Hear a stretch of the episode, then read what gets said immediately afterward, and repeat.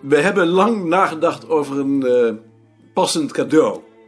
Dat was niet gemakkelijk. In de eerste plaats niet, omdat in jouw geval natuurlijk een, eh, een godvruchtig cadeau moest zijn. maar ook omdat hier nog nooit iemand zo gauw is weggegaan. Dat is natuurlijk geen verwijt. Het is ook niet waar.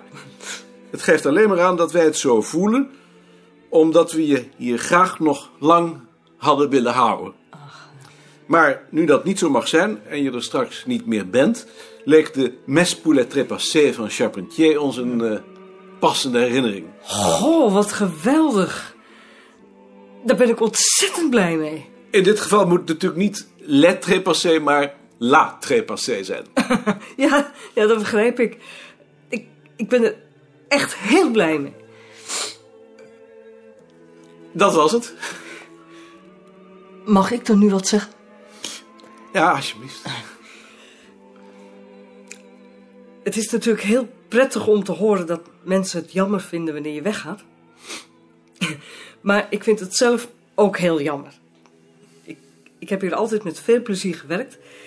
En ik heb nog nooit in zo'n korte tijd zoveel geleerd. Toen ik hier kwam, had ik geen idee wat er hier allemaal omging. Ik vond het vooral gek om terug te keren in het huis waarin ik mijn hele leven gewoond had. En nu ik voor de tweede keer wegga, weet ik dat ik het voortaan dubbel zal missen. En dan denk ik niet alleen aan het werk, maar ook aan de mensen en de sfeer van saamhorigheid die ik hier gevoeld heb. Ik ben jullie daar allemaal heel dankbaar voor. En ik zou het erg jammer vinden als die band nu verbroken werd. Ik zal zeker nog wel eens terugkomen, langskomen. En Cor en ik zouden het heel leuk vinden als jullie een keer met z'n allen bij ons op bezoek kwamen. Dat zou heel aardig zijn, maar dat doen we dan wel op de fiets. Ja, dat had ik wel gedacht. En nou wil ik een plak cake.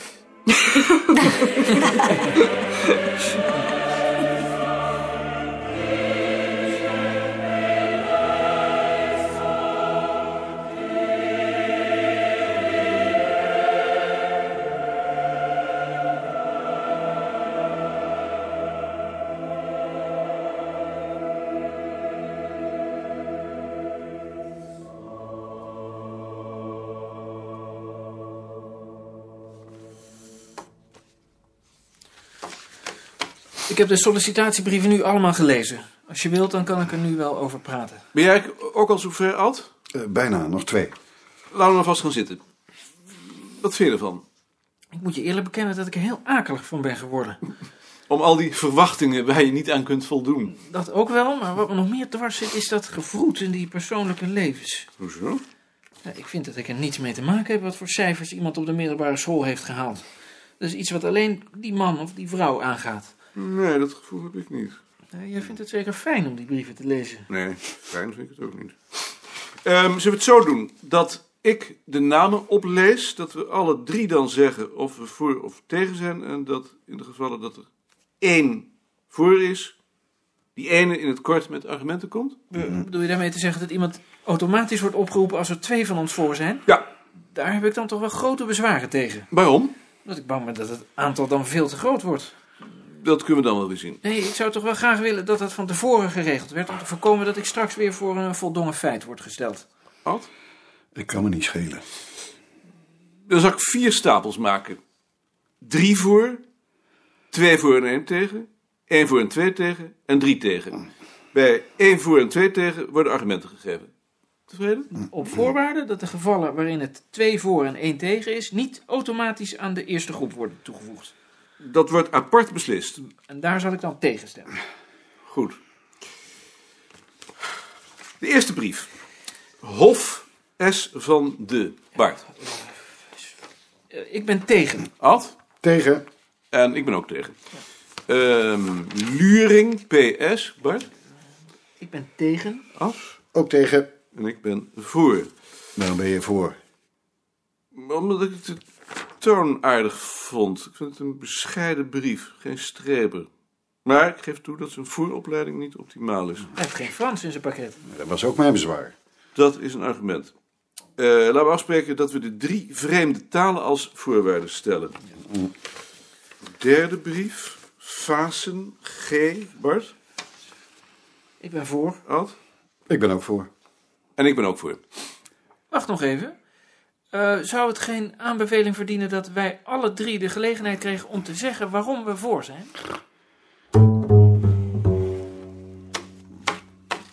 De einduitslag.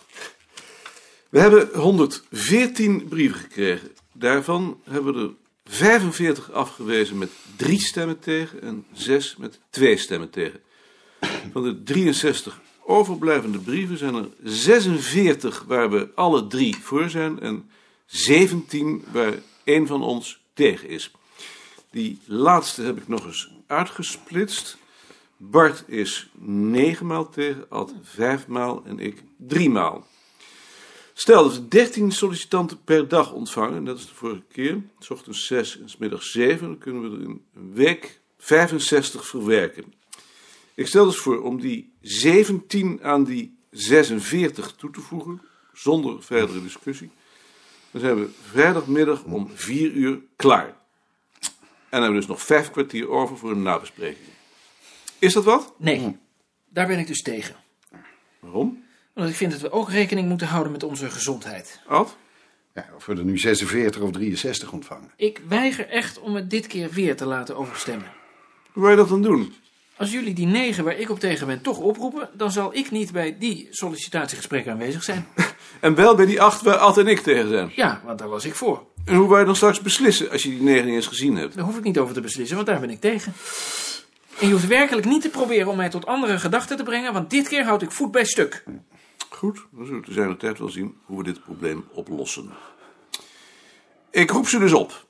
We ontvangen ze vanaf maandag over een week. De eerste om 9 uur en dan vervolgens elke half uur één met een uur tussen de middag. Ik stel voor dat Tjitske ze ontvangt in de bezoekerskamer. En dat ze na het gesprek nog even naar Joop en Sien gaan om de systemen te zien. Zodat ze zien waar ze terechtkomen. En wou je de meiden dan ook bij de keuze betrekken? Als ze dat willen. Daar ben ik beslist op tegen. Waarom? Die krijgen toch in de eerste plaats met die nieuwe kracht te maken? Omdat ik het onjuist vind om iemand te kiezen op grond van persoonlijke voorkeuren. Ik kies altijd op grond van persoonlijke voorkeuren. Daar heb ik dan ook grote bezwaren tegen. Ik sta op het standpunt dat je iemand moet kiezen op grond van objectieve criteria. Kun je dat? Als ik er niet van overtuigd was dat ik dat kon, dan zou ik me er niet toe lenen. Ad. Ik heb er niet zoveel bezwaar tegen. Dan doen we het zo als ik heb voorgesteld. Het Spijt me Bart, maar je wordt weer overstemd. Nou, daar ben ik zo langzamerhand wel aan gewend.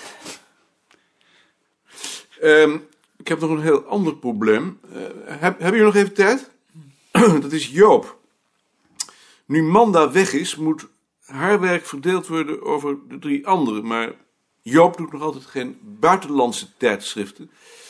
Ik vind dat ze daar maar eens moet worden opgezet. Kan die nieuwe kracht het dan niet beter doen? Ik vind niet dat je dat Joop kunt opdragen. Ze is daar absoluut nog niet rijp voor en ik betwijfel bovendien of ze dat ooit zal worden. Dat is best mogelijk, maar dat betekent dan wel dat ze straks niet bevorderd kan worden, want het is een onderdeel van haar opleiding. Ik vind dat een akelig argument. Op die manier maak je mensen slachtoffer van het systeem en dat is precies de reden waarom ik daar in de tijd tegen was. Als dat systeem er niet was, dan zaten ze nu nog alle drie in schaal 32. Dat weet ik niet. Dat betwijfel ik, maar in ieder geval vind ik dat je niet zo met mensen mag omgaan. Ik wil er wel begeleiden. Daar gaat het niet om. Ik vind dat je iemand dat niet mag aandoen. En wat vind jij dan dat Joop moet doen, Bart? In ieder geval niet zulke ingewikkelde zaken als buitenlandse tijdschriften. Eenvoudige werkjes. En wie moet die dan begeleiden? Dat weet ik niet, dat is mijn zaak niet. Aan welke werkjes denk je dan? Bijvoorbeeld de ordening van het Knipselarchief. Maar daarvoor moet ze inzicht hebben in de systematiek. Natuurlijk. En dat heeft ze niet. Dat is waar, maar ze zou dan ook begeleid moeten worden. En hoe wil je er dan uitleggen waarom ze midden in de opleiding uit de roelering wordt genomen? Dat weet ik ook niet, maar dat is mijn zaak ook niet. Dat is jouw zaak. En dat kan ik dus niet. Ik kan wel proberen om haar door die hele opleiding heen te helpen. En Ik hoop nog steeds dat dat lukt. En als het niet lukt, dan kan ik er met haar over praten hoe we het werk zo zullen verdelen dat ze tot haar recht komt. Maar pas als het niet lukt en niet eerder. Je moet me niet kwalijk nemen, maar dat vind ik een keihard standpunt. Op die manier laat je mensen het slachtoffer worden van het systeem en loop je het risico dat je haar frustreert. En frustreer ik er dan nog niet veel meer als ik er heimelijk op een zijspoor rij en werk laat doen waarvan ze even goed als wij begrijpt dat het voor spek en bonen Ik is? heb ook niet gezegd dat je het heimelijk moet doen. Hoe moet ik het dan doen? Je moet het eh, tactisch doen, zodat ze het niet merkt. En wat denk je dan dat Sien en Tjitske daarvan zullen denken? Dat ze plotseling anderhalf keer zoveel moeten doen. Dat is dan de schuld van het systeem. Hoe wij het werk dan verdelen als Joop niet kan worden ingezet? Dat weet ik niet. Dat is mijn verantwoordelijkheid ook niet. Maar je zult het wel gemerkt hebben dat de documentatie het werk op het ogenblik absoluut niet aan kan. En dat ik het werk doe dat eigenlijk door de documentatie gedaan zou moeten worden. Dat vind ik dan onjuist. Ik vind niet dat we hier zijn aangesteld om het werk van de documentatie te doen. Maar die hebben er geen tijd voor omdat ze overbelast zijn. Ik vind dan ook dat er geen aankondigingen geschreven moeten worden. Daarom doe ik er ook niet aan mee.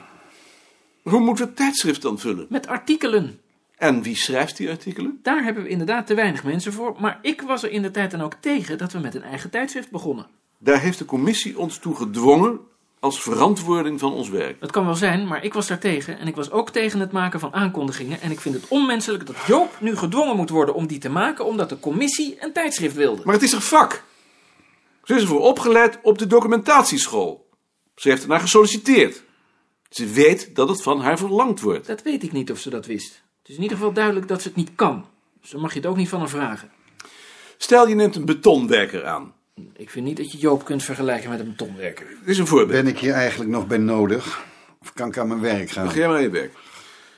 Stel je neemt een betonwerker aan en het blijkt dat de man geen beton kan maken. Is dat dan de schuld van het systeem? Nogmaals, ik vind niet dat je het werk van een betonmaker met het werk van Joop kunt vergelijken. Nee, dan moet je hem alsnog leren om beton te maken.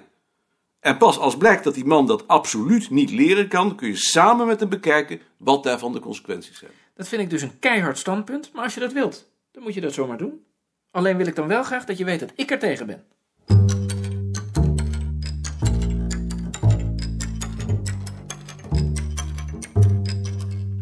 Kunnen er eigenlijk nog sollicitanten bij komen? Hoezo? Heb je nog iemand? Vriendin van mij. Wat doet ze? Ze studeert Nederlands. Eigenlijk is de termijn gesloten. Daar was ik al bang voor, want het is iemand die altijd aarzelt. Het duurt eindeloos voor ze tot een beslissing komt.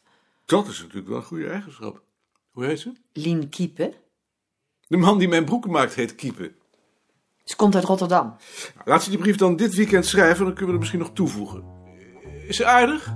Anders zou ze toch geen vriendin van me zijn? Nee. Zeg maar dat ze die brief schrijft, maar ik weet natuurlijk niet of we er kunnen nemen. Wettig weekend. Prettig weekend.